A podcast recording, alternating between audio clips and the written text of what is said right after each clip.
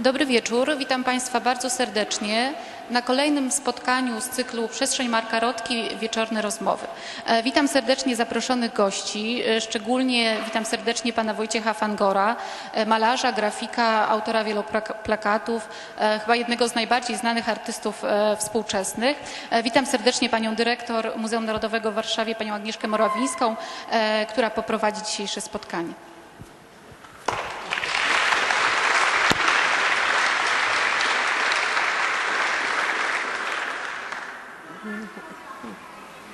Bardzo e, się cieszę, że pan Wojciech Fangor zgodził się przyjąć nasze zaproszenie, ponieważ e, jest nie tylko mm, jednym z najbardziej znanych artystów współczesnych, jak pani powiedziała, ale jest artystą o bardzo bogatym doświadczeniu, niezwykłej drodze życiowej.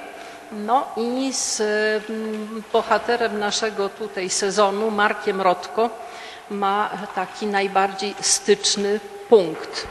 Mianowicie, kiedy znalazł się e, w, pan Fangor w Stanach Zjednoczonych e, w 1961 roku, e, miał powiedzieć, co jest często cytowane.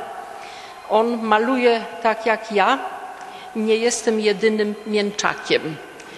I chciałabym, zanim będziemy dalej mówić, pokazać Państwu drogę e, pana e, Wojciecha Fangora w wielkim skrócie do momentu, kiedy właśnie znalazł się w Stanach i okazało się, że maluje, e, że są pewne punkty wspólne wybitnego przedstawiciela nowojorskiej szkoły i przedstawiciela warszawskiej, warszawskiego środowiska artystycznego. Będę niedyskretna. Wojciech Fangor urodził się w 1922 roku, Mark Rotko w 1903, więc dzieli dwóch artystów różnica pokoleń, która się w pewnym momencie dość zaciera, ponieważ jak Państwo wiedzą, Rotko bardzo późno się rozwijał, bardzo długo dochodził do, do e, te, tego idiomu artystycznego, z jakiego go znamy. Natomiast Wojciech Fangor był utalentowany od początku i właściwie wszystko, czego dotknął, e, nosi znamię jego bardzo, bardzo wyraźnego stylu, który przy wszystkich ewolucjach e, pozostaje zawsze mm, jego indywidualnym stylem. E, Mark Rotko, jak Państwo wiedzą, e, przeszedł ten jeden wielki tranzyt, to znaczy podróż w wieku lat 10 e, z mm, łotewskiego miasteczka Dyneburg do Stanów Zjednoczonych i przez całą Amerykę pociągiem z kartką nie mówimy po angielsku. Natomiast Wojciech Fangor rozpoczął podróże po świecie bardzo wcześnie i w bardzo luksusowych warunkach. Podróżował z rodzicami na południe Francji, y, ze swoim tutorem Kozłowskim, Kozłowski się, na Tadeusz Kozłowski odbywał podróże no tam, gdzie e, młody człowiek z dobrego domu powinien dojechać, czyli e, Włochy, Francja. E, Następnie z rodzicami oglądał wystawę światową w Paryżu w 1937 roku i widział wtedy mm, Guernikę. No i to jego doświadczenie było doświadczeniem em, bardzo dobrze wyedukowanego młodego człowieka ze znakomitej rodziny z warszawskiej plutokracji. Em, Z Rodką jeszcze różni go taki zasadniczy, różna postawa e, życiowa. Ja tutaj żartowałam z panem Wojciechem, że on jest według terminologii Witkacego schizoidem, ale pełnym wiary w życie, optymizmu i przekonania o własnym szczęściu, które mu rzeczywiście sprzyjało. Natomiast Rodko w tej samej klasyfikacji kreczmerowskiej czy witkacowskiej był pyknikiem w nieustannej depresji, więc właściwie odwrotnie się mm, tutaj te, te postawy układają. I teraz e, mm, w pewnym momencie jeden i drugi e, artysta lewicował. Z tym, że dla e, m, Wojciecha Fangora to powojenne doświadczenie to była mm, taka, powiedziałabym, e, pańska lewicowość. E, Natomiast e, dla Rotki to była no, lewicowość człowieka, który został rzucony w zupełnie inne środowisko, biedny, dorabiający się, także znowu zupełnie inne doświadczenie. I teraz, e, jeśli chodzi o e, Wojciecha Fangora, miał swoich profesorów prawie że na własność. To znaczy Kozłowski e, mieszkał u, u państwa i zajmował się w każdym razie, nie mieszkał. to w każdym razie jako Kowarski. Kowarski jako tutor zajmował się panem, następnie Felicjan Szczęsny-Kowarski mieszkał. No i e, to były zupełnie inne stosunki niż cały proces uczenia się Marka Rot. No ale, ale może szybko prze, przypomnimy.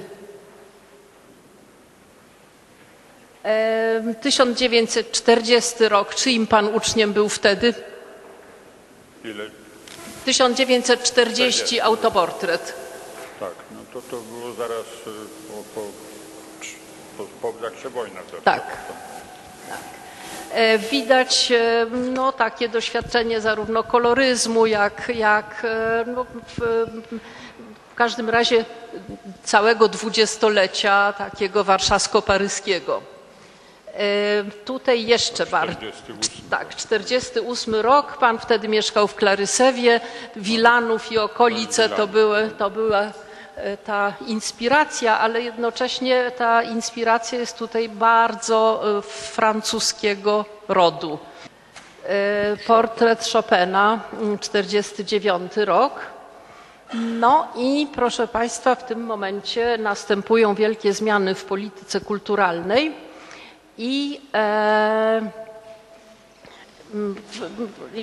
panuje e, jedynie słuszna e, doktryna realizmu socjalistycznego, e, do której, jak mówiliśmy tutaj przed chwilką, w tej chwili zaczynamy nabierać zupełnie innego stosunku niż to było przez bardzo, bardzo wiele lat. Na przykład ten obraz, postacie Wojciecha Fangora, zrobił ogromną światową karierę. Jest uważany za taką ikonę gender studies, feminizmu. Został zinterpretowany na wszystkie możliwe sposoby i e, kilka lat temu podczas wystawy e, która odbywała się w Wiedniu, a potem w Zachęcie, mieliśmy okazję rozmawiać z panem Wojciechem, który troszkę obśmiał rozmaite feministyczne interpretacje, em, twierdząc, że ten obraz em, powiedzmy, no, e, wynikał e, bardzo wyraźnie z ówczesnej rzeczywistej sytuacji. Także nie żona Frankensteina, tylko, tylko rzeczywista sytuacja tamtych, tamtych czasów. Y, Tutaj jest pewna luka, to znaczy e, pan em, uciekł realizmowi socjalistycznemu, to znaczy uciekł e, w sztukę użytkową, w plakat i w bardzo interesujące doświadczenie współpracy z architektami. Na pewno o tym Pan będzie mówił e, sam. Ja, ja tu- tutaj tylko powiem, że właśnie to było wielkie doświadczenie i znowu doświadczenie, którego różni od Rotki. Rotko poruszał się wyłącznie między malowaniem i swojego rodzaju publicystyką, słowem. E, Innych mediów e, nie podejmował. Natomiast w twórczości Fangora mamy wszystko, natomiast słowo pojawia się właściwie dość późno. Mm, Ostatnio pan udziela dużo wywiadów, jest pan bardzo cytowany, właściwie dzisiaj. prawda, ale tu nie dopuszczam pana do głosu. Ale w każdym razie e, tych fortepianów, na których pan grał, jest bardzo dużo. I w 1956 roku następuje powrót do malarstwa, znowu jest inna sytuacja polityczna i tutaj trzeba przypomnieć jeszcze jedną dziedzinę, w którą pan się zagłębiał w czasach dzieciństwa, a potem znowu w Ameryce, to znaczy mm, astronomia. I może właśnie w tych, y, przepraszam bardzo, w tych obrazach to y, widać wyraźnie. E, 54, czyli już znowu moment wychodzenia z socrealizmu i następuje moment najważniejszy, może dlatego, o czym dzisiaj e, mówimy, to znaczy wystawa, która się odbywała w Salonie Nowej Kultury e, w dawnym IPSie przedwojennym, m, którą Pan przygotował razem z Stanisławem Zamecznikiem. Nazywała się Studium Przestrzeni. I teraz, e, proszę Państwa, w 1961 roku Wojciech Fangor jedzie pierwszy raz do Ameryki, a w 1966 już tam e, znajduje się na stałe. I teraz znowu chcę mm, dojść do tego cytatu, od którego zaczęłam, mianowicie o Rodce on maluje tak jak ja. To są jeszcze ciągle części studium przestrzeni. No i tutaj zaczynają się obrazy, z którymi e, Wojciech Fangor wyjechał z Polski. Namalował ich jeszcze sporo w Wiedniu, potem we Francji, potem w Londynie i wreszcie właśnie w 1966 roku wyruszył do Ameryki. Mark Rotko jest artystą, o którym napisano może więcej niż o innych artystach ze względu na trudności werbalizacji, a jednocześnie uwielbienie dla niego no, takiego e, krytycznego bełkotu. Dlatego mm, chciałabym zapytać pana Wojciecha, y, tak jak ja, to znaczy jak? Jak maluj, malował wtedy pan i jak malował Mark Rotko? Na czym polegała ta wspólność? Ja tu sobie przygotowałem takie troszkę na piśmie e, odpowiedzi na pytania, czy rozwinięcia tych, tych, tych pytań. Ja nie wiem, czy to dobrze słychać, tak? No właśnie, więc y, dlatego będę sięgał do tych, do tych y, notatek, bo to przyspieszy y, naszą rozmowę, bo nie będę musiał się tak zastanawiać czy wspominać tego. Więc w Polsce w latach 50. nic o Rodko nie wiedziałem. Pierwszy raz zobaczyłem jego obraz na reprodukcji w czasie mojego pierwszego pobytu w Stanach w 62 roku, nie pierwszym, w 62. To było stypendium takie y, y, amerykańskiego Instytutu Sztuki Współczesnej. Podobał mi się, ale miałem mieszane uczucia po zobaczeniu tego, tej reprodukcji. Satysfakcję z, z, i zawodu. Miałem taką uczucie satysfakcji i uczucie zawodu. Satysfakcję, że jest ktoś, kto ma podobne do moich zainteresowania y, polami koloru o rozmytych brzegach, niesprecyzowanych. Z drugiej strony zawód, że nie jestem jedynym eksploratorem fenomenu bezkonturowego przepływu jednego koloru w drugi. Po jakimś czasie, kiedy zobaczyłem oryginały prac Rodko, zdałem sobie sprawę z, z nieco innych zagadnień poruszanych przez Rodko. U niego decydującą rolę dla działania koloru spełnia powierzchnia i jej faktura. Y, Kolor o widocznej, łatwej do zlokalizowania powierzchni rzeczywistej obrazu promieniuje, nie ukrywając swojego źródła. Się patrzy na obraz Rodko, ma się e, tą świadomość, że ten kolor jest na płótnie. Poza tym e, u Rodko e, bardzo rzadko występuje symetria. E, On organizuje prostokąt płótna w taki bardziej dynamiczny sposób, to znaczy zostawia niektóre partie większe, niektóre mniejsze, kontrastuje te pola między sobą. Ja bardzo w tym okresie bardzo wykorzystywałem symetrię. W końcu doszedłem do, do kół, które są najbardziej symetryczną e, formą, jaką można sobie wyobrazić. W moich pracach lat 50, 60., 50. powierzchnia jest nie, niematerialna, bezfakturowa, przez co powstaje iluzja optyczna wirtualnej przestrzeni, zawieszonej poza powierzchnią obrazu. Różnica między jawnym i rzeczywistym źródłem działania, a ukrytym, iluzyjnym, niematerialnym działaniem w moim wypadku. Oczywiście różnica jest też w cenie. Jego obrazy są 300 razy droższe od moich. To tyle o Rodko mogę powiedzieć. E, y, to, widziałem jego wystawę w, w Stanach, duże, chyba w, w Nowym Jorku i, y, i widziałem teraz tutaj wystawę po raz pierwszy, bardzo skromną, ale interesującą pod względem pokazania też tych wczesnych obrazów, których nie znałem przedtem.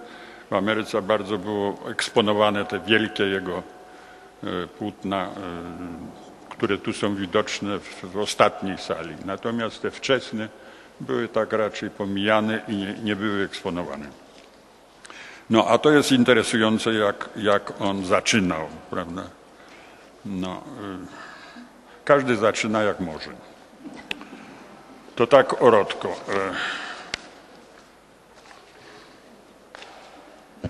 Ma Pani jakieś pytania? poza Orotko, tym? mam, mam, mam pytania. Pytanie mam o treść obrazów, ponieważ Rotko mm, powiedział, że w takim bardzo znanym manifestie, który napisał razem z mm, Gottliebem w 1943 roku, napisał, że obraz bez treści dla niego nie istnieje. Czy co? Że obraz bez treści dla niego nie istnieje. Aha. No i tu są takie, takie punkty tego, tego jego światopoglądu, tego manifestu. To znaczy, że na malarstwo Rotki składa się siedem takich części składowych. Przede wszystkim przeczucie śmiertelności, zmysłowość i porządliwy stosunek do świata, napięcie, ironia, poczucie humoru i gra, zmienność i przypadek i w 10% nadzieja. Jakie są komponenty pana malarstwa?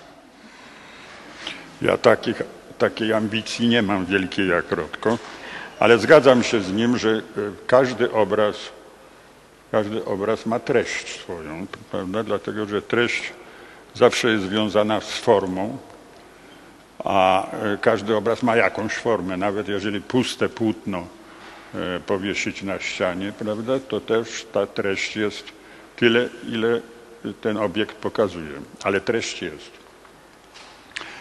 E, Natomiast y, mm, Ja chcę jeszcze panu przypomnieć, że dzielił pan treść obrazu na takie trzy, trzy e, punkty, to znaczy to wszystko, co wynika z budowy obrazu, to, co wynika z zastosowanych środków przekazania tej treści. I trzeci, bardzo interesujący punkt, to znaczy to, co w obraz wpierają interpretatorzy. No tak, jeżeli chodzi o obrazy tego typu, co, co Rodko robi i te obrazy moje, które też są takie bardzo minimalistyczne, to treść jest bardzo związana z, ze strukturą tego obrazu, znaczy z wyborem koloru, z wyborem pola e, tych kolorów, to znaczy w jakiej wielkości każdy kolor jest i w jakim stosunku e, miejsca do prostokąta płótna i w jakim stosunku miejsca do drugiego koloru, prawda? Te, te układy. to to jest e, bardzo ważne i, i stosując pewien typ układu kolorystycznego, pewien typ układu e, formy tych, tych kolorów, e, mm, wytwarza się pewien nastrój i pewną strukturę, to znaczy pewien sposób konstruowania, pewien język, który on przekazuje. Bo treść jest przekazywana jakąś, jakimś językiem wizualnym, prawda? I to nie ma nic y, wspólnego z literacką anegdotą.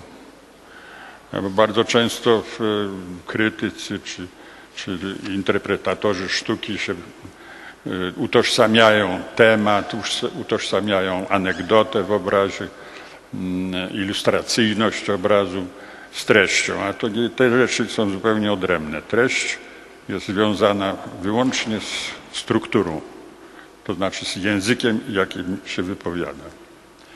Natomiast y, y, temat może być najrozmaitszy. Bardzo często jest treść bardzo głęboka albo bardzo aktualna, a temat bardzo banalny. Jak weźmiecie e, e, Cezana, to on zwykle opierał, był rewolucjonistą, jeżeli chodzi o formę, natomiast sięgał po, po tematykę niesłychanie banalną. Bo wtedy mógł pokazać dopiero rolę jego języka, rolę jego struktury obrazu. A w tej strukturze jest ukryta treść. No, e, ale to są takie. Ja nie chcę tu być profesorem, tylko No ale właśnie, właśnie, właśnie, bo przecież przez większość życia był pan profesorem, więc, No właśnie. więc do tego będziemy wracać, ale ja jeszcze chcę przypomnieć wprowadzony przez pana termin i w ogóle zagadnienie e, pozytywnej przestrzeni iluzyjnej. To była bardzo ciekawa koncepcja, która właśnie powstała mniej więcej w roku 58, to znaczy pana wystawy z zamecznikiem, tej wystawy przestrzennej. Nawet wcześniej trochę, ale e, to wszystko jedno. 57 rok dokładnie. E,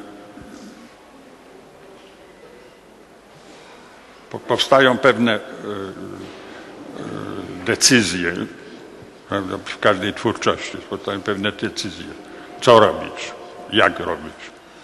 No i te decyzje e, e, u mnie w każdym razie występują w sposób e, dosyć nagły i intuicyjny. To znaczy nie to, że ja sobie myślę, a co zrobię, a może tak, a może tak, a może tak, i tego i konstruuję tą nową rzecz. Nie.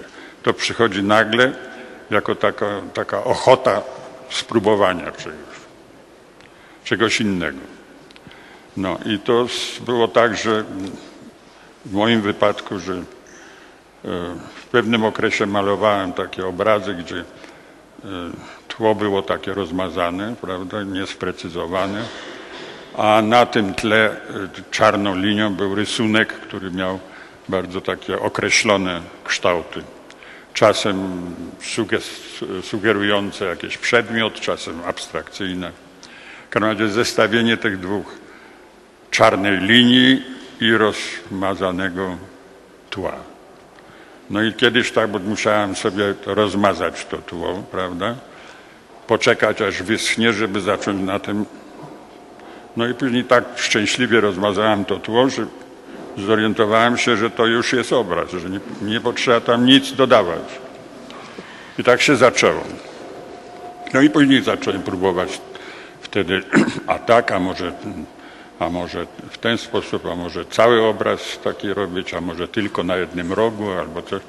Takie, takie mm, różne mm, atakowanie y, tą, y, tym sfumato, tym, tym rozproszonym kolorem y, powierzchni obrazu. Na, na początku to się odbywało wszystko czarną farbą i białą i niczym więcej, prawda? Czarna przechodząca w białą stopniowo. Olejna farba, olejna farba schnie długo, więc pozwala na to, żeby jedno, jeden kolor w drugi wmalowywać. Kolorowe obrazy przyszły trochę później, jakiś rok, może półtora roku później, ale na początku były wszystko czarno-białe właściwie. E, Później przy tych y, obrazach y, kolorowych wyszły różne inne zagadnienia, takie jak to, że dwa kolory, które, które się zmiesza i które teoretycznie wydawałoby się, że powinny być wypadkową tych dwóch kolorów, ten, ten, ten, ta, ta mm, area, gdzie one się przenikają, okazuje się, że nie, że tam powstaje trzeci kolor, który jest nawet kontrastowy w stosunku do jednego i do drugiego. Tak jakby, prawda, e, nie wiem, zmieszać z jednej strony pomarańczowy, z drugiej strony niebieski. Wydawałoby się, że wyjdzie jakiś taki zielonkawo, e, prawda, e, kaki kolor, a tymczasem wychodzi zupełnie co innego. Więc ta nies, niespodzianka mieszania kolorów była bardzo dla mnie interesującą sprawą. Ale jeszcze nie zdawałem sobie sprawy z, z działania tych rzeczy. Znaczy, widziałem, że one działają optycznie bardzo silnie, to znaczy, że na te obrazy jest trudno patrzeć, E, niewygodnie się patrzy człowiek na te obrazy. Niektóre obrazy zaczynają pulsować. Koła, prawda, tak się kurczą albo rozszerzają, kurczą, albo jak jest jakiś pas, to ten pas zaczyna tak zjeżdżać z tego obrazu. No i dopiero znowu po, po, po dłuższym czasie e, odkryłem, na czym polega fizjologia e, odbioru te, tych, tych sensacji, tych iluzji e, które powstają. No, to po prostu jest fakt, że nasze oko ogniskuje ciągle. Czy patrzymy na bliski przedmiot, czy na daleki, to musimy ogniskować. No, jak coś nie możemy zogniskować, to jest problem, prawda? Wtedy, wtedy oko zaczyna szukać innych sposobów zogniskowania, więc kurczą się źrenice, bo mniejszy otwór pozwala bardziej zogniskować niż szeroko otwarty. Kurczą się rzeczy. Kurcząc się źrenice, dostaje się mniej światła. Wobec tego to, co było namalowane, robi się ciemniejsze. Tymczasem przy rozmytych kolorach, jeżeli weźmiecie czarne koło, które się rozprasza do białego stopniowo, to nie, nie można powiedzieć, w którym miejscu się zaczyna białe, w którym czarne. Tu od razu jest taka e, dowolność. I teraz, jeżeli zmniejszamy światło, czy przyciemniamy światło w pokoju, to ten, to czarne koło zaczyna się powiększać. Jak dajemy dużo światła, słońce czy coś, to, to się kurczy to czarne. To samo zachodzi, jak wasza źrenica się otwiera czy zamyka. Prawda? I wtedy następuje to pulsowanie. To jest albo większe, albo mniejsze, albo większe, albo mniejsze. Ponieważ nie możemy zogniskować, prawda? No to, to wtedy te, ta, te, ta źrenica się otwiera. Skurczenie otwiera. Jak się otworzy, no to to się wszystko zaczyna kurczyć. I tak dalej. E, Więc to są fizjologiczne reakcje na e, postrzeganie tego typu e, stosunku jednego koloru do drugiego. My wszystko, co oglądamy na ogół, tak na świecie, to, to ma swoje granice. Każde, każdy przedmiot ma granice, każdy kolor na ogół ma granice zdefiniowane tam. No, na niebie czasem chmury się tak rozmywają. No ale to na niebie. No, e, ale jak na obrazie coś się tak rozmywa, no to już zaczyna być problemem. Teraz e, te, te fizjologiczne reakcje powodują to, że, że ta iluzja ruchu wpływa na nasze postrzeganie przestrzeni. Bo my postrzegamy przestrzeń, oceniamy przestrzeń głównie przez to, że mamy dwoje oczu i widzimy stereoskopowo i dwoje oczu, które są skierowane do przodu, prawda? I my e, wtedy e, oceniamy to dzięki, dzięki podwójnemu widzeniu. Więc y, y, to jest jedna, jedna metoda oceniania przestrzeni. To, to zresztą jest przydatne bardzo w perspektywie prawda, linearnej. Jak, mamy zbiegi takich linii, to nam się wydaje, że to, co się zbiega, jest dalsze niż to, co się rozszerza. Ale w, tym moim wypadku jest jeszcze inna e, ocena e, przestrzeni, która jest bardzo powszechna. To jest, że my oceniamy przestrzeń na skutek paralaktycznego ruchu. To znaczy, że jak coś się rusza, to zależnie od tego, z jaką szybkością to przechodzi, to my oceniamy i w stosunku jedno do drugiego my oceniamy przestrzeń. No i przez to, że te obrazy zaczynały właśnie się ruszać, to mieli, ma się złudzenie przestrzeni. Teraz ta przestrzeń nie, nie rozwija się w głąb obrazu, tylko odwrotnie, ona się rozwija na zewnątrz. Co to powoduje też, y, to ja zauważyłem, mi się zdaje, że pewien wpływ na to, co, co ja mówię, miało też to, że ja się interesowałem astronomią od dziecka, to znaczy od 13 roku życia. A, jestem zupełna noga, jeżeli chodzi o matematykę, więc nie mogłem studiować astronomii, ani nie mogłem być zawodowym astronomem. Natomiast astronomia mnie fascynowała od strony wizualnej. Widok nieba i widok nieba przez teleskop. E, I zacząłem budować teleskopy, szlifować zwierciadła. No i, i zauważyłem, że w teleskopie jest tak samo jak w mikroskopie, ale w teleskopie to jest bardziej spektakularne, że jest y, nastawianie ostrości, prawda? Przy pomocy takiej zębatej, e, takiej zęb- zębatki i dwóch kółek. Nastawiamy ostrość, przesuwając okular bliżej albo dalej od obiektywu, albo od lustra.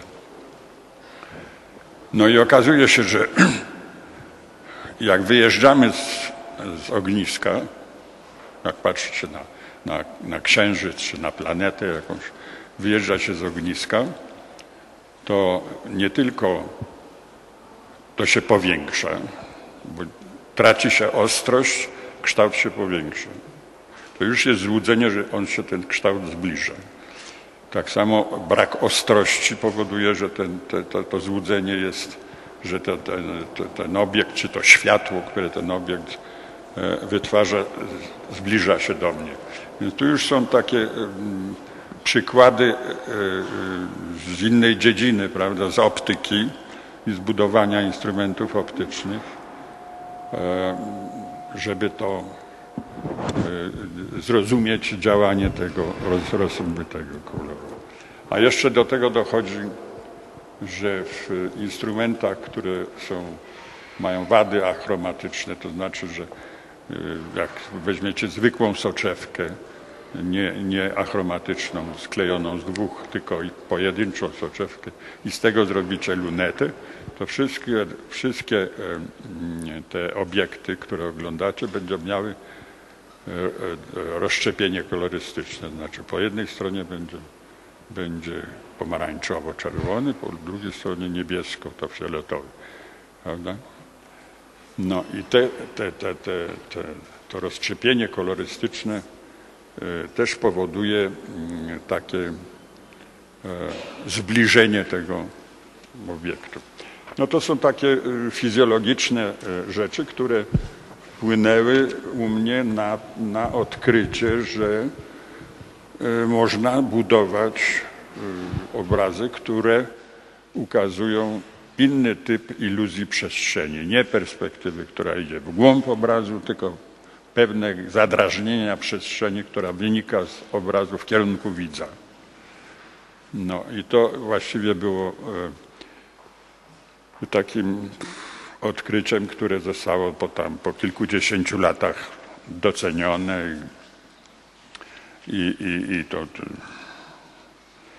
No, ale to jest y, taka y, y, część tego opisu sztuki, prawda? To jest taka, taki opis popularno-naukowy, fizjologiczny i optyczny. I tak. A jeszcze dochodzi tutaj cała metafizyka, która urodki jest bardzo y, taka podkreślana i bardzo, on, on sam to bardzo lubił i, i, i wszyscy jego, I jego krytycy też jeszcze tak, bardziej. Wszyscy krytycy się nasładzają na tym, że duchowa sprawa. No. Dobrze, a czy. E, e, Ja nie miałem takich ambicji e, metafizycznych w moich obrazach.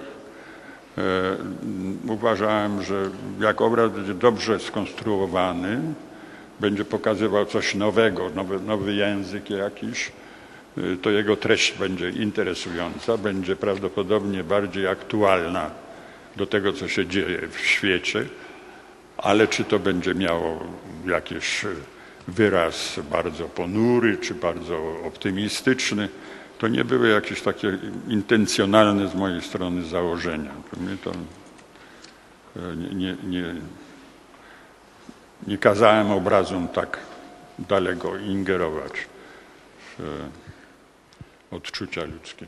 Tak, więc tutaj jest taka dość zasadnicza różnica, bo, bo e, Pan opowiada się po stronie innowacji, natomiast Rodko wręcz przeciwnie, nie, innowacja go nie interesowało, ale dodał, że zauważył, że posługuje się kolorami jak żaden malarz przed nim.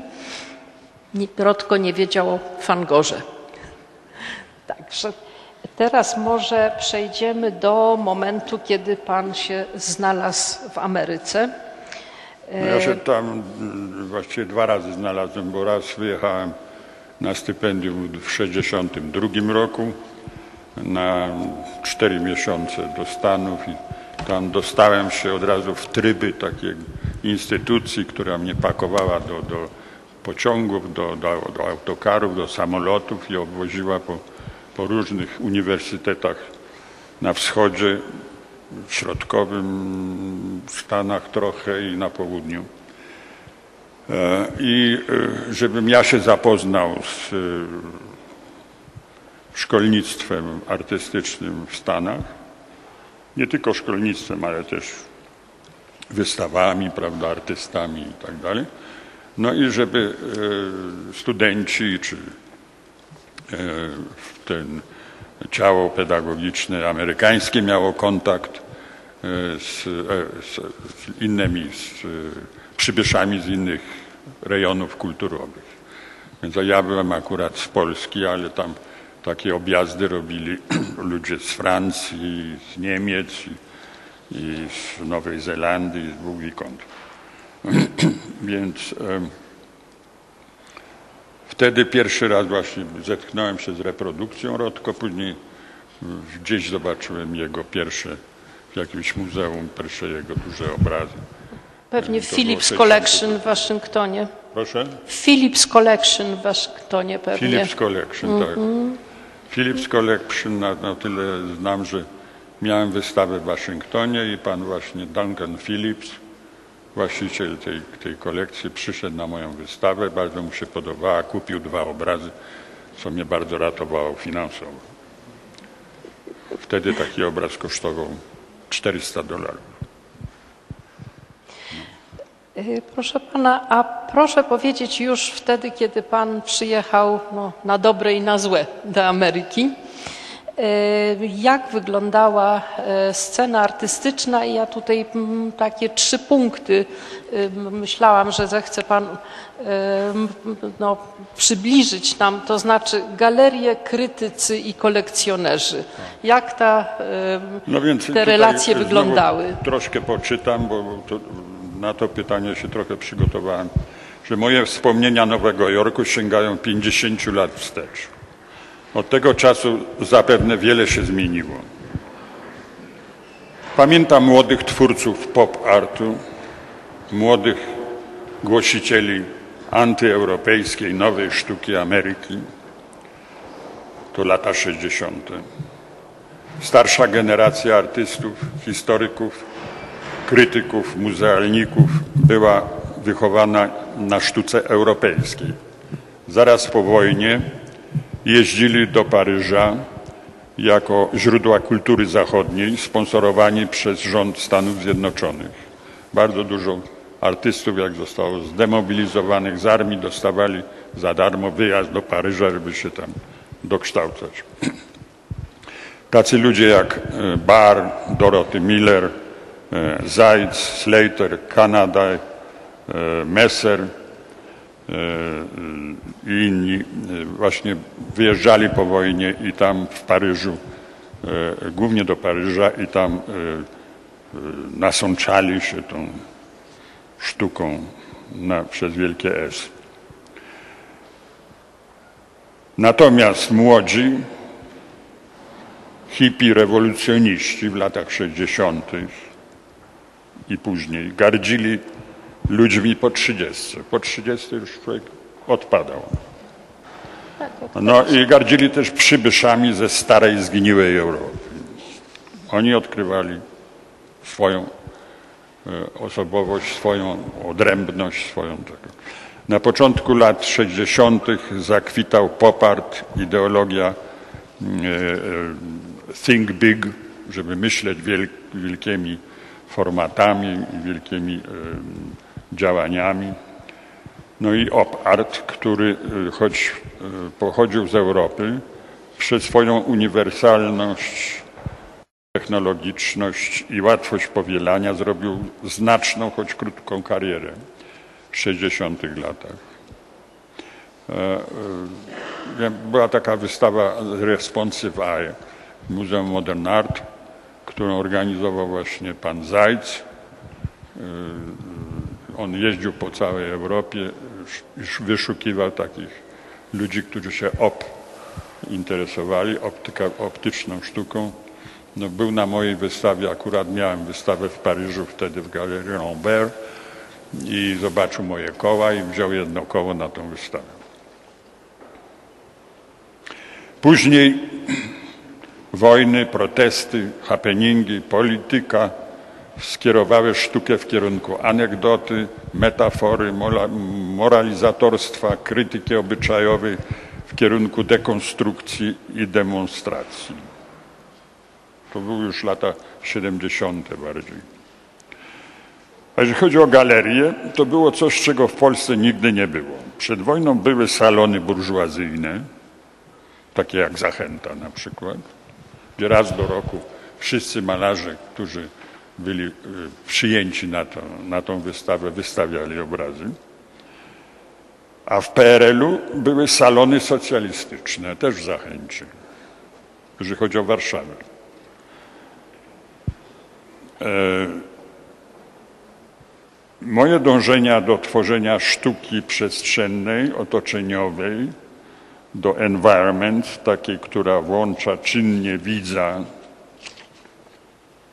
proces nie tylko odbioru, ale współtworzenia, bo chodząc w takiej instalacji, prawda, to wybierając drogę tego odbioru, już się zmienia wrażenie i zmienia się ta praca, więc można ją właściwie oglądając współtworzyć.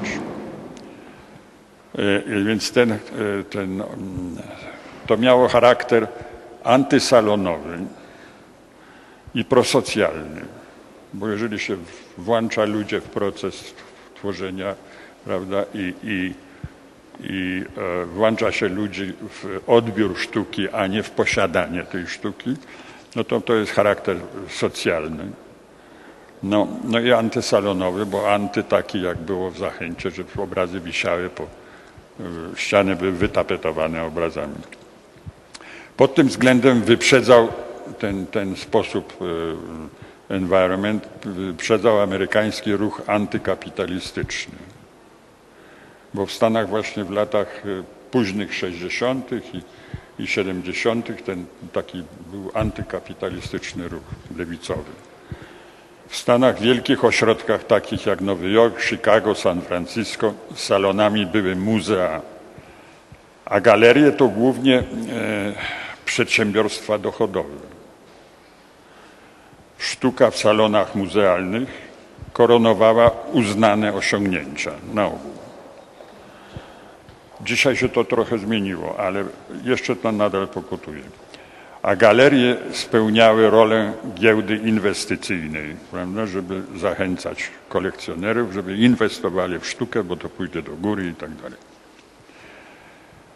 Ani do jednych, ani do drugich environment nie, nie pasował, bo był niedochodowy i zabarwiony socjalnie. To zaczęło się zmieniać w czasie buntu lat 70. Oczywiście, tak jak w każdej ludzkiej działalności, grały i grają rolę. O, tu coś mądrego powiem. Kumoterstwo, korupcja i nacjonalizm. To to się odbywa wszędzie i w Polsce, i we Francji, i w Ameryce, i wszędzie. No bo ludzie są w końcu tacy sami. Demokracja amerykańska obejmowała, obejmująca wielki kontynent złożony z, e, z krajów bardziej zróżnicowanych klimatycznie i geograficznie niż kulturowo, jest bardzo dynamicznym i żywym organizmem, który przechodzi zmiany szybciej niż kultura europejska. Tam się to wszystko szybciej odbywa.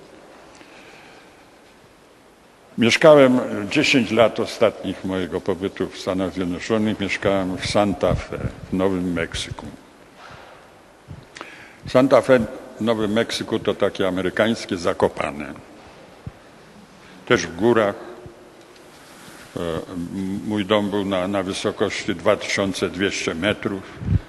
Ponieważ to jest bardzo na południu, więc jest ciepło, 300 dni w roku świeci słońce ale noce są chłodne, wieczorem trzeba sweter założyć. No i w zimie trzy razy może do roku spada śnieg. Tak jak w Zakopanem lat dwudziestych za Witkacego było inne, tak samo Santa Fe lat dwudziestych za George O'Keeffe i Stiglitza inne było niż dzisiaj. To była inna atmosfera. Turystyka zatopiła oba ośrodki, zabiła ludowość i autentyczność lokalnej kultury. No, więc y, to taka charakterystyka takich miejsc uroczych, ale przez turystykę, przez to, że, że są urocze, to ludzie tam walą, a jeszcze do tego w dzisiejszych czasach łatwo dostać się do tych miejsc, bo są samoloty, są samochody. Prawda? Więc ja jeszcze jak jeździłem jako dziecko do Zakopanego, to pociąg bodajże dojeżdżał do Chabówki, a później już saniami się jechało do Zakopanego. No, to, dopiero już za mojej bardzo wczesnej młodości dopiero dojeżdżały pociągi do Zakopanego, pchane z przodu lokomotywa, z tyłu i tam pod górę. Ale to było Zakopane, było bardzo egzotyczne jeszcze miejscowością w dwudziestych latach, prawda, w 25, 6, 7 roku. Pamiętam Witkacego, który portretował całą moją rodzinę i mnie też. Bałem się go śmiertelnie, bo on był ponury, patrzył z podełba, nie, nie pozwalał podchodzić i patrzeć na to, co robi. Taki był. Demoniczny. Tak, taki dosyć niechętny. No, e, ale to tak o Nowym Jorku mogę tyle powiedzieć. E, Trochę- Ale bardzo szybko pan mi uciekł z tego Nowego Jorku. Proszę? szybko mi pan uciekł z tego Nowego Jorku. No ja byłem w Nowym Jorku, przez, no, Tak. byłem w okolicach Ja jeszcze o Nowego Jorku. krytykach bym chciała usłyszeć i o kolekcjonerach. A no właśnie. No, e, takich kolekcjonerów, e, wie pani, tak, ja miałem galerię e, w Nowym Jorku, nazywała się Chalet, Galerii Chalet. E, Była, miała taką dobrą reputację. Właściciel tej galerii, pan Lejwa, Artur Lejwa, pochodził z Kielc jako młody człowiek uciekł z e, ortodoksyjnego domu e, swojego i e, nauczył się po polsku, nauczył się, e, e, zaczął studiować, e, skończył szkoły, e, maturę zdał i wyjechał do, do zaczął studiować chemię, wyjechał do Paryża, do Sorbony.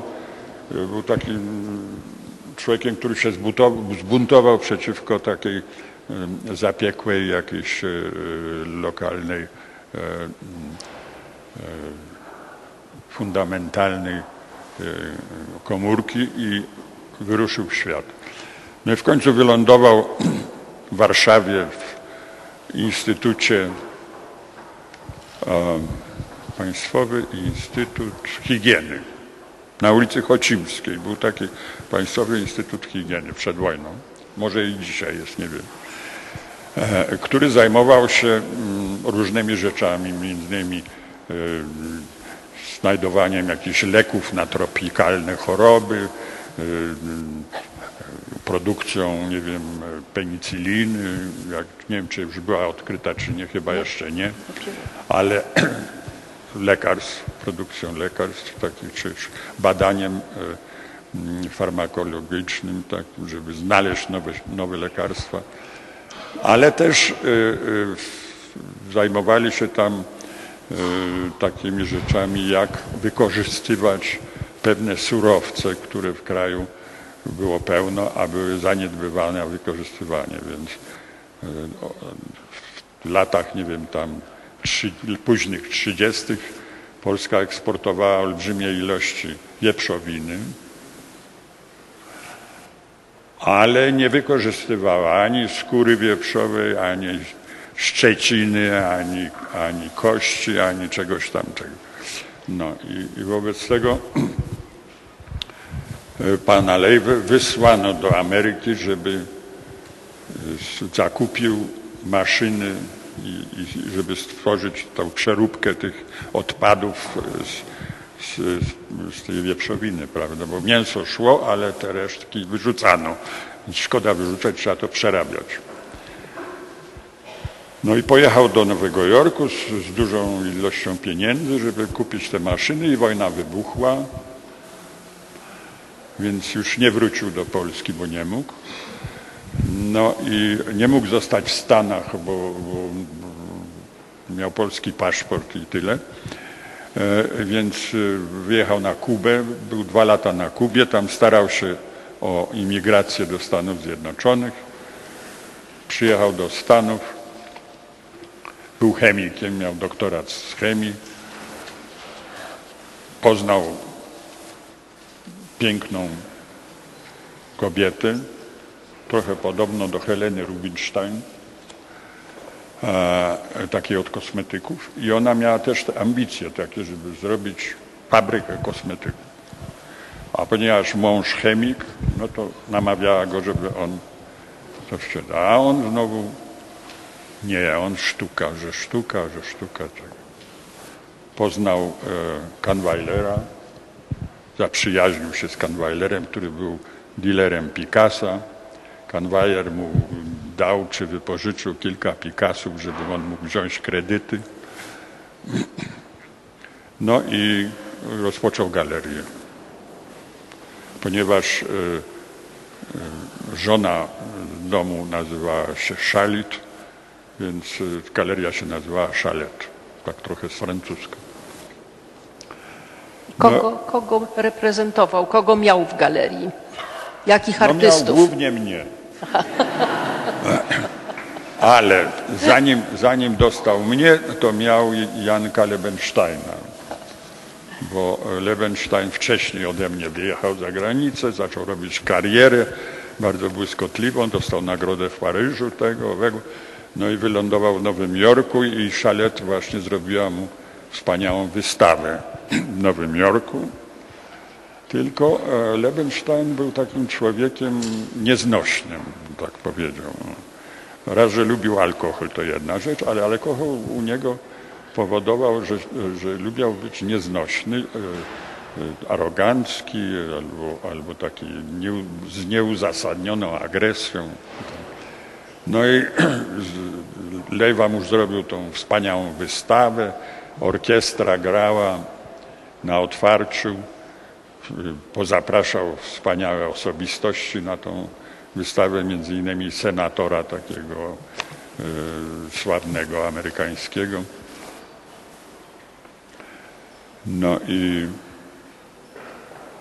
Lejwa podszedł do Lebensteina i mówił, że ten senator chce go poznać. No to Lebenstein mówi, to niech przyjdzie i niech, niech się pozna ze mną. Nie chciał się ruszyć i tak dalej. No taki był trochę arogancki. No później się pokłócił z, z tym Lejwą. Proces tego, bo Lejwa y, y, według jakiejś tam umowy miał jakieś obrazy dostać. On nie chciał dać tej Lejwie te obrazy. W końcu wyjechał do Paryża i Lebenstein osiadł w Paryżu. Więc to była także nieudana e, impreza z Lebensteinem w galerii Chalet. Drugi taki artysta, który był e, w Chalet, jak ja nastałem, to był Leon Polk Smith. A Leon Polk Smith to był Indianin, półindianin z jakiegoś tam plemienia. I ale malował takie abstrakcje, duże abstrakcje.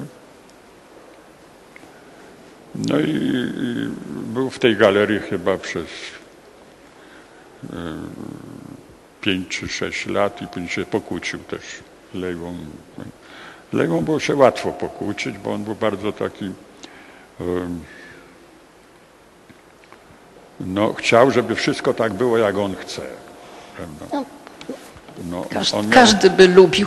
Tak. miał też, Było. miał też y, takie, wiedział, co będzie dobre dla, dla interesu, prawda. Jak ja przyjechałem do niego y, tam, no to on, on, mnie witał i mówił, dzień dobry panie Fanger. No, ja, ja mówię, dlaczego Fanger? A on mówi, no bo wie pan Fanger to jest, to jest żydowskie nazwisko, a Fangor nie. No. No to może pan jest z Żydów. Ja mówię, no niestety nie jestem, no ja na to poradzę. On mówi, niech się pan przyzna. Niech się pan przyzna. Są Żydzi, co wyglądają jak Szwedzi. No ale no nie przyznałem się. No. Ale to nie, nie, nie zaszkodziło e, tego w końcu e, robił mi wystawę prawie co roku, sprzedawał dużo tych kół, e, wieszał te moje, miał, nabył bardzo piękny taki e, brownstone, taki budynek cztero czy pięciopiętrowy, e, niedaleko Muzeum Guggenheima, tam na takiej bocznej 88 ulicy. No i tak na parterze były sale wystawowe, e, na piętrze były takie salony, gdzie on tam y, przyjmował jakieś, prawda, robił jakieś przyjęcia, no a na dalszych piętrach mieszkania. No ale mówi, że galeria nie galerią, te obrazy wisiały w galerii, mówi, ale jak powiesił obraz nad łóżkiem w sypialni, od razu był sprzedany. Jak przychodzili klienci, to zobaczyli nad łóżkiem, spytali, to to chcą mieć. A to samo jak było w galerii wśród innych obrazów, to nie. No więc takie, takie były moje wspomnienia o Lejzie. A te galerie takie jak Marlboro czy, czy No więc właśnie. Była potężna galeria Marlboro, która była i amerykańska, i, i angielska, bo w Londynie też. Prawda? Z Marlboro nic nie, nie ja, bo jak przyjechałem, to od razu do, do Lejwy. No i jak z Lejwy, już byłem zatkany w tej galerii Lejwy. No mógłbym od niego uciekać. No, ale Może to- gdyby Marlboro do mnie przyszła i powiedziała, wyjeżdżaj od Lejwy, my ci tu lepiej zrobimy, to może bym go zdradził. No ale nikt, nikt mnie do zdrady nie namówił, więc Tak. byłem wierny Lejwie. Ale miał pan wspaniałe recenzje po wystawie w Guggenheim. On miał, y, Marlboro miało y, artystów tam. Na przykład poznałem takiego artystę południowoamerykańskiego, Fernando Botero nazywał. No. No to taki biedny chłopak, taki był tam, rysował, na ogół rysunki robił. Trochę malował, trochę malował tak w stylu e, kolumbijskiej sztuki ludowej. E, No i, jakoś skontaktował się z Marlboro i Mar Marlboro go wzięło do siebie, zaczął robić wystawy, no i z tego biednego chłopaka zrobił się supermilioner, wyjechał do Paryża, kupił sobie od razu Rolls Royce'a, Ty- tym Rolls Royce'em miał wypadek i bodajże syn jego zginął w tym wypadku, ale w każdym razie wyjechał na szczyty kariery. E, To był Fernando Botero. Jak on był tym biednym chłopakiem, to chciał się ze mną wymienić na obraz. Mówi tak, no daj mi takie koło, to ja ci dam takie. On takie grube robił. Takie. No to ja nie chciałem. Nie chciałem, nie zgodziłem się. No a później takie jego, te moje koła to były tam po tysiąc dolarów, a, a, a jego takie grubasy szły po, po miliony. No plułem sobie brodę, no ale przepadło. Ostatnie pytanie, bo nie chciałabym Pana zamęczyć. O system nauczania w, w Stanach i w Polsce. E, W Polsce są Akademie Sztuk Pięknych, które są osobnymi instytucjami. E, W Ameryce przeważnie to są Wydziały Sztuk Pięknych przy uniwersytetach. E, Jak przebiega właśnie nauka w takim Wydziale Sztuk Pięknych przy uniwersytecie? Więc tutaj muszę być bardzo szczery. Ja nigdy do żadnej akademii nie chodziłem. Chociaż mam dyplom, ale nie chodziłem do żadnej akademii. Ale uczył Pan. No, e, uczyli mnie profesor Pruszkowski przez e, półtora roku, zanim go z Niemcy zabili, a później e, profesor Kowarski, z którym razem mieszkałem, patrzyłem jak on maluje, on patrzył jak ja maluję, on rzeźbił, czasem mi coś tam prosił, żebym mu pomagał przy tym rzeźbieniu. To był taki, taki stosunek mistrza i, i ucznia, i czeladnika, co jest bardzo dobre w sztuce i czego brak. No. y, I nawet w 40 chyba szóstym czy piątym, szóstym roku, jak się wojna kończyła, Kowarski mi zaproponował, żebym był jego asystentem, bo, bo mnie znał, tego mieszkaliśmy razem przez półtora czy dwa lata y, w Klarysewie pod Warszawą więc wiedział, z kim ma do czynienia i, i żebym był asystentem. Ale ja sobie pomyślałem, asystentem będę musiał jakieś modeli wynajmować, jakieś coś, codziennie chodzić do tej akademii, użerać się z studentami. Nie, odmówiłem mu, powiedziałem, mnie to nie interesuje. No i tak miałem spokój z, z, z edukacją do czasu, aż któregoś y, w 50 chyba trzecim roku w kawiarni Lejkonika na Placu Trzech Krzyży spotkałem Artka Samborskiego, z którym zresztą się przyjaźniłem i, i dużośmy e, e, ćwiartek wypili e, w swoim czasie i mm, Artek mówi, słuchaj tego, taka jest sytuacja w Akademii, że chcą nam wsadzić Zakrzeskiego, bo akurat się zwolniło miejsce, ktoś umarł. A w akademii, jak ktoś umrze, to wtedy można do, do, doszlusować jakiegoś profesora. Tam się wtedy roszady takie robią. Ten idzie na malarstwo, ten idzie na grafikę tego, ale jedno miejsce zostaje. Żeby nie wiem, jak zapinać tą kamizelkę, zawsze jeden guzik zostaje. No i, czy jedna dziurka, którą trzeba zatkać. No i on mówi, chodź, koniecznie musisz uczyć w akademii, bo musimy zatkać, tam jest takie miejsce tego i na to miejsce właśnie Włodzimierz Zakrzewski się szykuje i KC i tego szykuje, a on, Włodzimierz Zakrzewski był człowiekiem partyjnym, e, takim bardzo ideolo, ideowo-komunistycznym e, i e, wszyscy się go strasznie bali, że on taki politruk tego. No i jak taki wejdzie w akademię, to rozsadzi tą akademię.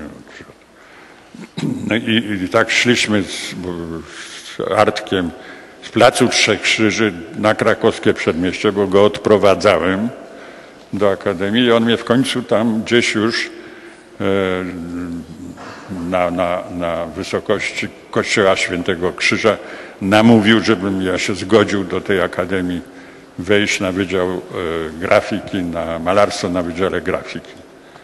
No, że będę tam docentem tego i tam minister mnie mia- mianował docentem tego i, i byłem tym docentem na Wydziale Grafiki przez chyba 7 lat czy coś takiego.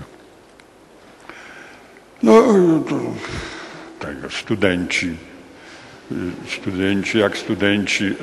Na grafice studenci są lepsi może od studentów na malarstwie, dlatego że y, grafika to jednak daje jakieś szanse, że wyjdzie z tej, z tej akademii i będzie mógł zarabiać. A malarz to w ogóle nie wiadomo. Więc y, studenci nie byli źli, e, przychodzili.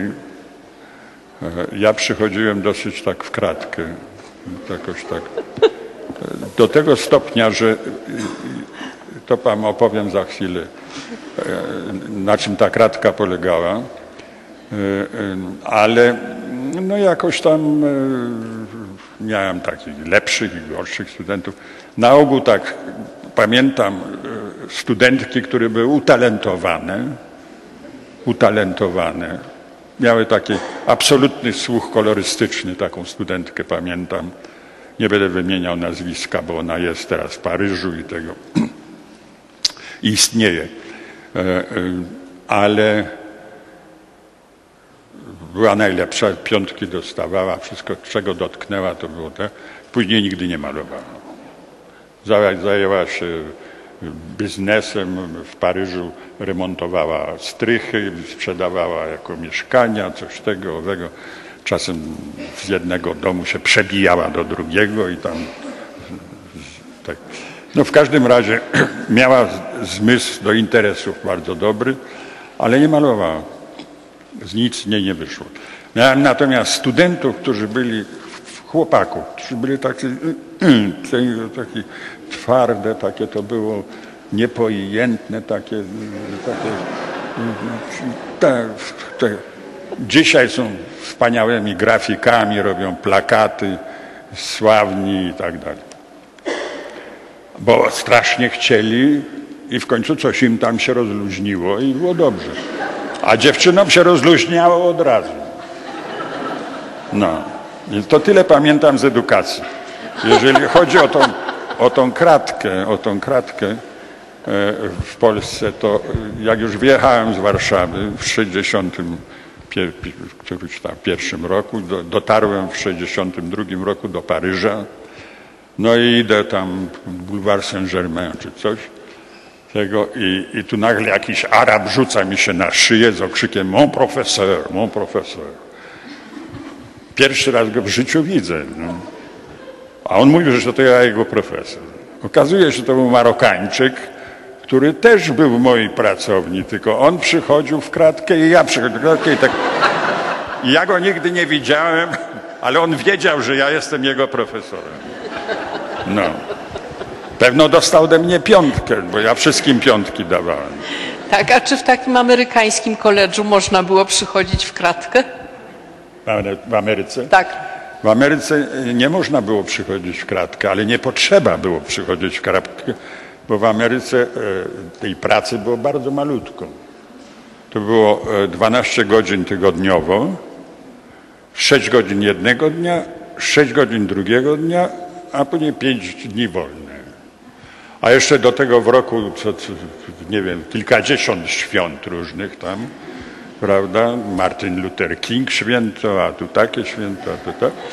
No i, i, i, i to tak, tej pracy to tam było, jakby tak ścisnąć na 8 godzin dziennie, to może było 60 dni w roku, no. a 300 było wolnych. Więc nie potrzeba było chodzić w kratkę, wystarczyło chodzić normalnie to już była kratka. No. Ale e, tu chciałbym wam e, trochę powiedzieć tak, że w Stanach uczyłem kilkanaście lat w Uniwersytecie Fairleigh Dickinson w Madison, New Jersey. Malarstwa, grafiki, teorii koloru. Dwa semestry na Wydziale Architektury Harvarda na piątym roku Graduate School of Design. Dwa semestry w Bath Academy of Art w Anglii i dwa semestry w amerykańskiej szkole sztuki w Lacoste w Prowansji we Francji.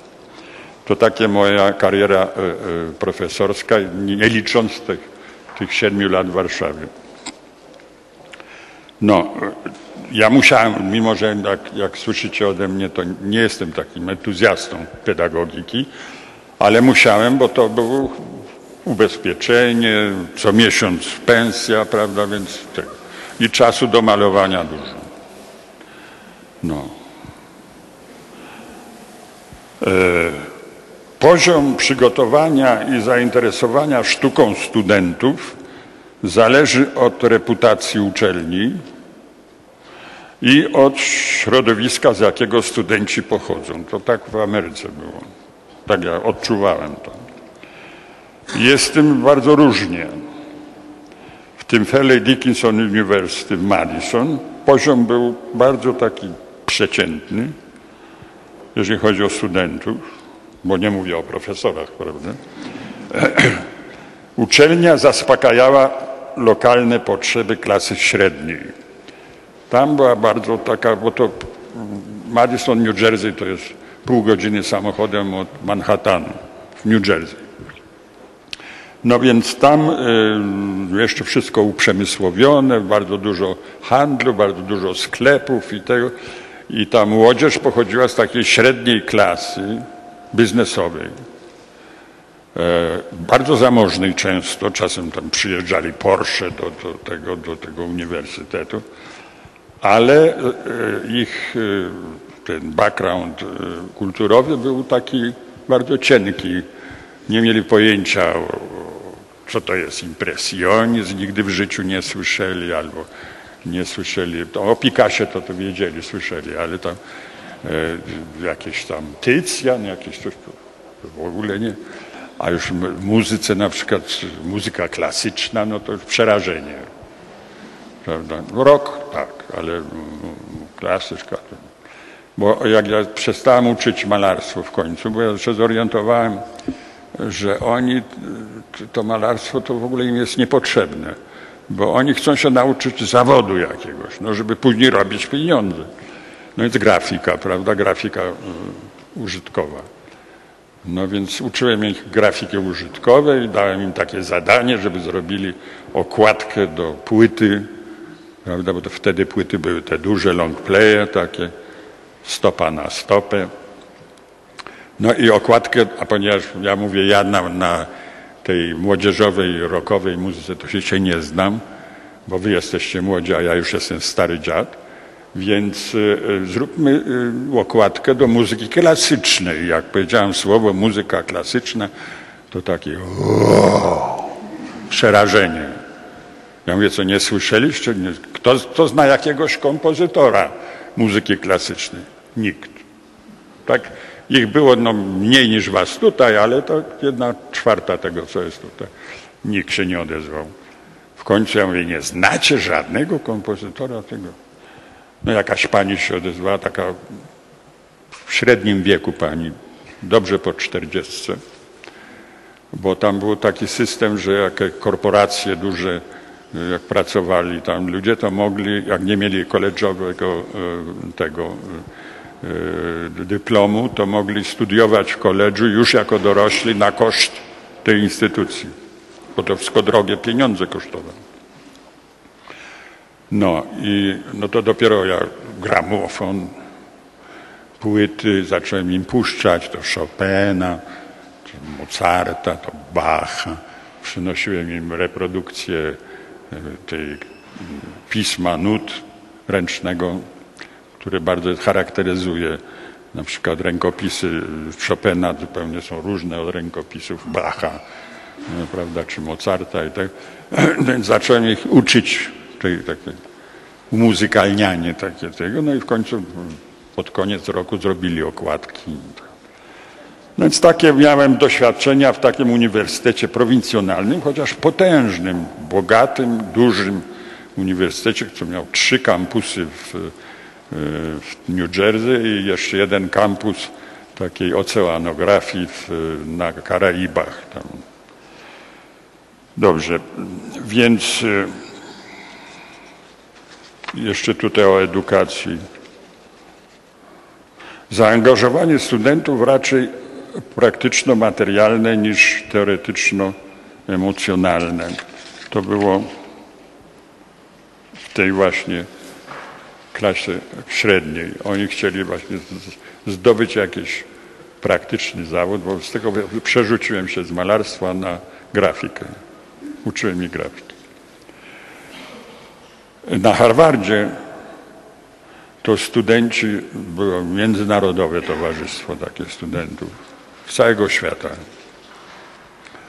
I bardzo zapaleni, bardzo wymagający.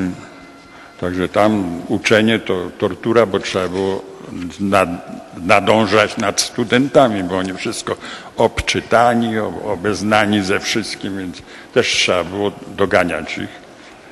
E, A poza tym entuzjazm ich polegał na tym, że ja tam byłem wsadzony dlatego, że y, oni byli bardzo y, y, technicznie wykształceni. Ta, ta, ta architektura tam była tak, materiały, konstrukcja, matematyka, obliczenia i tak. No i, i okazało się, że im potrzeba też trochę takiej wizualnych, doświadczenia wizualnego, prawda, że, ze sztuką, żeby coś mieli wspólnego, z, ze strukturą artystyczną, jak działa kolor, jak działa forma, jak działa to. No więc ja tam miałem ich do tego przygotować. No i takie dostali, nie może za długo gadam, nie? Bo to tak, no, dos- dostali takie zadanie ode mnie. Akurat była olimpiada w 60 chyba 7 roku, olimpiada w Meksyku. No i e, dostali zadanie, żeby zrobić e, taki pawilon, mały pawilon 16 stóp na 16, pamiętam.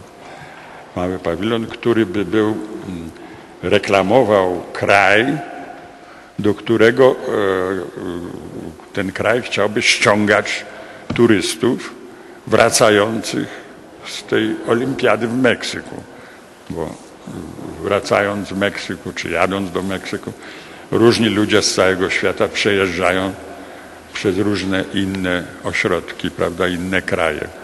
Więc można taki pawilon zrobić e, w Stanach Zjednoczonych, żeby reklamował, że jak wracasz no to zahacz tam o Włochy, albo zahacz o, o Francję, albo zahacz o Niemcy, albo coś takiego, albo o Japonię. No więc mieli zrobić taki pawilon, który by anonsował swoją e, tożsamość narodową już z daleka, tam ze 100 metrów jakoś. Później, żeby, żeby ta tożsamość narodowa się przeistaczała we wnętrzu w jakieś informacje bardziej szczegółowe, e, jakieś e, te katalogi, jakieś slajdy, jakieś coś tam. No i tu był problem, dlatego że oni jak dostali takie zadanie właśnie swobodne, bo technicznie tam to było bardzo proste, były ograniczenia. Wszystko było powiedziane, że to musi być 16 stóp na 16, że to musi się łatwo rozbierać i przenosić. To musi być możliwe zmontowanie tego na lotnisku, w mieście, w polu, we wsi, wszystko jedno gdzie taki pawilon może być. No więc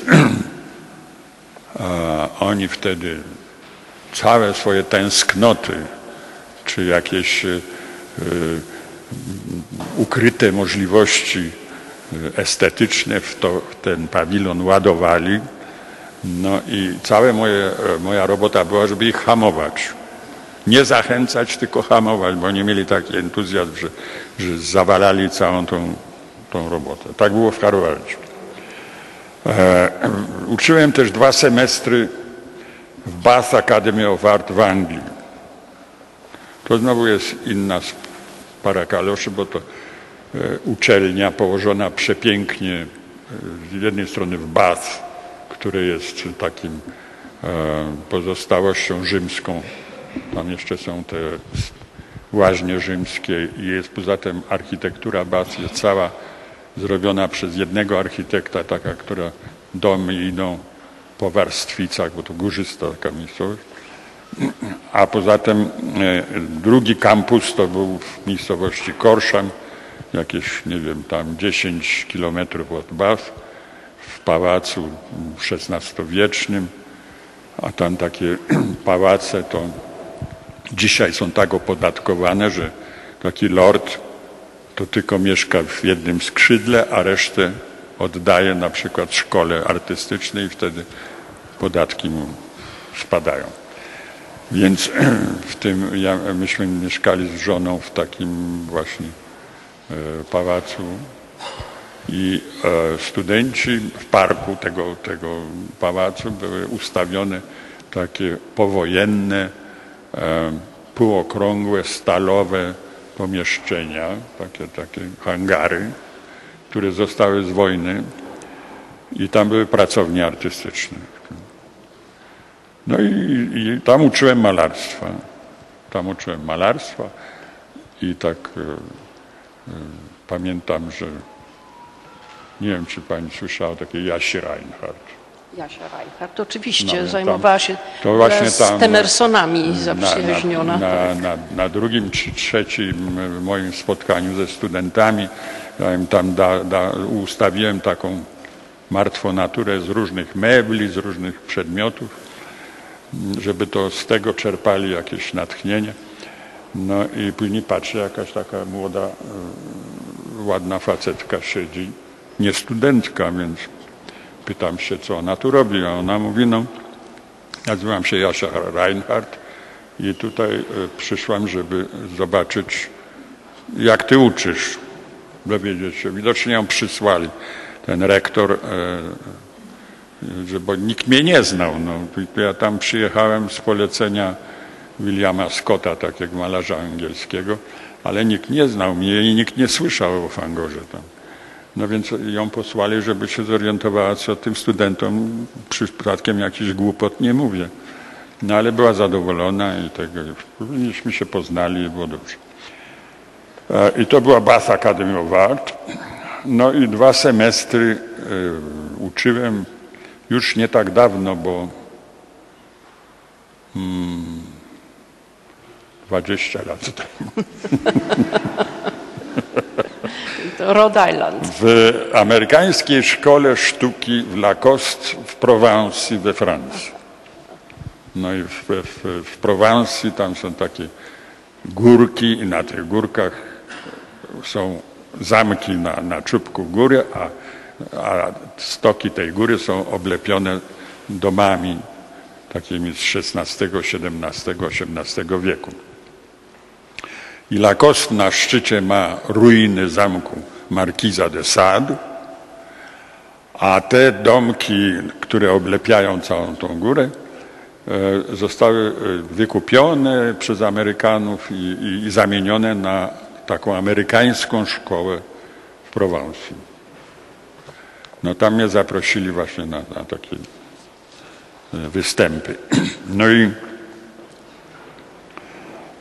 to było ciekawe, bo e, Prowansa jest, no nie wiem, który ktoś z Was był pewno tam w Prowansji, to jest uroczy kraj, kultura śródziemnomorska, wszystko z kamienia, bo tam tego kamienia jest pełno, mnóstwo rzeczy takich z XVII wieku, e, tych, tych e, sklepień, e, architektura taka e, e, bardzo związana z materiałem lokalnym, z przyrodą lokalną, z, z tym e, klimatem. No i ten, e, ta górka z tym, z, tym, z tym zamkiem tego markiza e, to dosyć stroma. Te uliczki takie strome. Wszystko z kamienia, wszystkie domki z kamienia. Te uliczki wybrukowane kamieniami. Bardzo taki sprytny sposób, żeby później jak są deszcze, żeby nie rwało tego, to tam jest taki kanalik zrobiony po środku Mm, i wtedy w tym kanale kamienie idą wzdłuż, a nie w poprzek, żeby nie wyrywało i tak dalej. Różne takie są piękne przykłady e, francuskiej takiej geometrycznej e, racjonalności. Nie tylko w architekturze, ale tak samo w rolnictwie, w tych winnicach, w plantacjach lawendy i tego, wszystko tak pod linijkę tego, takie są bloki. E, No i, e, i tam jest olbrzymie bogactwo takie fakturowe, bo te kamienie są różne, budynki z innych kamieni, te, te, te bruk jest z innych kamieni, te kamienie czasem obrasta jakieś, jakieś rośliny obrastają. Duże bogactwo materiałowe, duże bogactwo kolorystyczne w pewnej gamie takiej. A poza tym jeszcze przestrzenne bogactwo, bo gdziekolwiek się jest na tym stoku tego, te, tego góry, to się ma miasto nad głową i miasto, które się patrzy w dół, to już dachy się widzi, prawda? Więc się ciągle widzi tak i z dołu miasto i z góry. No i ja to im mówię to, co wam teraz. I mówię, korzystajcie z tych, tego bogactwa i z tej różnicy, którą nie znacie w Ameryce, bo w Ameryce takich rzeczy nie ma, jak to. Więc y, czerpcie z tego i zróbcie z tego sztukę, prawda? Jakąś strukturę na płótnie, która by to odzwierciedlała. No i zaczęli coś tam robić tego. No i tego, ale e, nic z tego nie wyszło. Bo ich to w ogóle nie interesowało. Tam. Ta cała Prowansja, to jakieś takie, jakieś starocia, takie antyki, takie tego, to, to nie. E, tu później, jak będziemy rozmawiać, ja chciałem jeszcze parę słów powiedzieć o kulturze i naturze, takiej kontraście kultury i natury. No to, e, to tak. Nature is to culture what woman is to man. Wie to co? Lovejoy, taki słynny amerykańsko-europejski uczony, mówił, że nature is to culture what woman is to man. No, To dobre, jest takie równanie. dobre spostrzeżenie, tak. Dobre spostrzeżenie. Ja tylko znam inną cytatę na Oj. temat kultury jednego senatora amerykańskiego, który mówił, jak słyszę słowo kultura, to odbezpieczam pistolet. No ale ja byłem uformowany na przeciwieństwie kultury i natury. Kultura była tym, co człowiek wniósł w świat natury, takie sztuty, sztu, sztuczydła jak język, pismo, sztuka, literatura, muzyka, technologia, religia, nauka i tym podobne rzeczy. A natura to cała reszta tego świata. Kultura była swojska i zrozumiała. Natura tajemnicza, obca i do opanowania. Uczono mnie maluj z natury. Takie było powiedzenie, maluj z natury. Rób sztuczną replikę tego, co cię otacza, co jest na zewnątrz. Sztuczną, bo sztuka to jest właśnie od sztuczności. To słowo pochodzi od tego. Tworzenie e, sztucznej repliki w aktualnej strukturze kulturowej pozwala panować nad naturą. Jak się naturę zamieni na tą sztuczną konstrukcję, to wtedy się to opanowuje. Wydaje się jednak, że dzisiaj następuje przei, przeistaczanie się kultury w nowy rodzaj natury. I dawna dychotomia zanika. Kultura opanowuje resztki starej natury w sposób niezamierzony, niekontrolowany, a co, a co na to sztuka? No właśnie. No właśnie. Sztuka staje się astrukturalna, to znaczy nie, niekonstrukcyjna, astrukturalna, chaotyczna. I wraz z resztą kultury przeitacza się w nowy organizm, nowy organiczny fenomen. W polityce, która była częścią kultury, podobna transformacja. Wybrani urzędnicy grają jak aktorzy w teatrze i iluzjonie władzy. Widownia, publiczność oklaskuje lub gwizdże, a wielkie, niewidoczne, ale wszechobecne organizmy koncernów są realną, samorozwijającą się i samoregulującą się siłą. No, 18 lat temu w Lacoste, bo tutaj nawiązuję do tego uczenia we Francji, młoda studentka pokazała mi płótno pokryte całkowicie przypadkową mieszaniną farb. Takie farby po- pomazała całe od brzegu do brzegu całe tego. Bez koloru, bez formy, bez jakiegokolwiek zamiaru. Na moją uwagę, że ta rzecz nie ma żadnej struktury, żadnej intencji, odpowiedziała: But that's me. Ale to jestem ja. Po tych 18 latach, bo to było 18 lat temu, zaczynam rozumieć, że ona zapewne zupełnie bezwiednie pokazała przykład zachodzącej transformacji kultury i natury. Że jej biologiczne ja zamienia się w kulturę, a jej kultura tkwi w jej biologicznej, nieświadomej naturze. Pokazała amalgamat kulturo-natury, zalążki nowej natury, która wyrasta z wszechobecnej, przenikającej wszystko żywiołowej kultury. No to tylko tyle e, o tym e, kultura i natura. Wydaje mi się, że następuje przez to, że kultura tutaj w sensie jest nie takim polskim, tylko e, anglosaskim, bo w Polsce jest różnica kultura i cywilizacja. W, tym w u anglosasów wszystko to jest kultura. Wszystko, co człowiek robi, e, myśli, oblicza, e, e, działa i tego, to jest działalność kulturowa.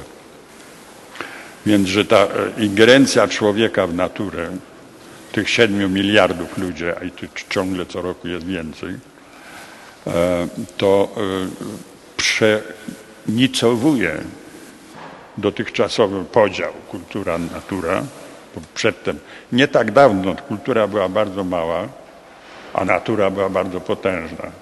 Teraz to już się zaczyna, jeżeli nie wyrównywać, to przechodzi na stronę tak zwanej kultury. To znaczy my już wpływamy na klimat, my wpływamy na, na produkcję, na, my wpływamy na to, że miliardy ton śmieci y, y, wychodzi, y, że, że miliardy ton dwutlenku węgla idzie do, do e, stratosfery i tak dalej, że nasza ingerencja zaczyna być tak żywiołowa i tak naturalna, że ta ameba złożona z tych 6-7 miliardów mikrobów, którymi my jesteśmy, zaczyna być naturą, a nie świadomą nat- kulturą, którą dawniej nam się wydawało, że my tutaj dyrygujemy, że my organizujemy, że my decydujemy. My nic nie decydujemy już. No, więc takie moje spostrzeżenia i wydaje mi się, że to się odbija w dzisiejszej sztuce. Że właśnie ta akonstruktywność, bo za moich czasów właśnie sztuka musiała być skonstruowana, musiała być to tak jak język, musiał, musiał mieć swoją gramatykę, musiała mieć swoją konstrukcję. Ta konstrukcja musiała być dzisiejsza, bo wczorajsza to już była wczoraj. Musiała być dzisiejsza konstrukcja, żeby przemawiać dzisiejszym językiem. Ale zawsze struktura, zawsze jakaś e, przewidywalna organizacja. Natomiast dzisiaj nie ma, nie ma struktury, nie ma organizacji, nie ma anything goes, prawda? Tak jak ona powiedziała, to jestem ja. Zresztą wszyscy studenci dostali piątki, bo ja nie oceniam ich. Każdy człowiek jest na piątkę, prawda? No, więc... Panie Wojciechu, pan jest na dziesiątkę.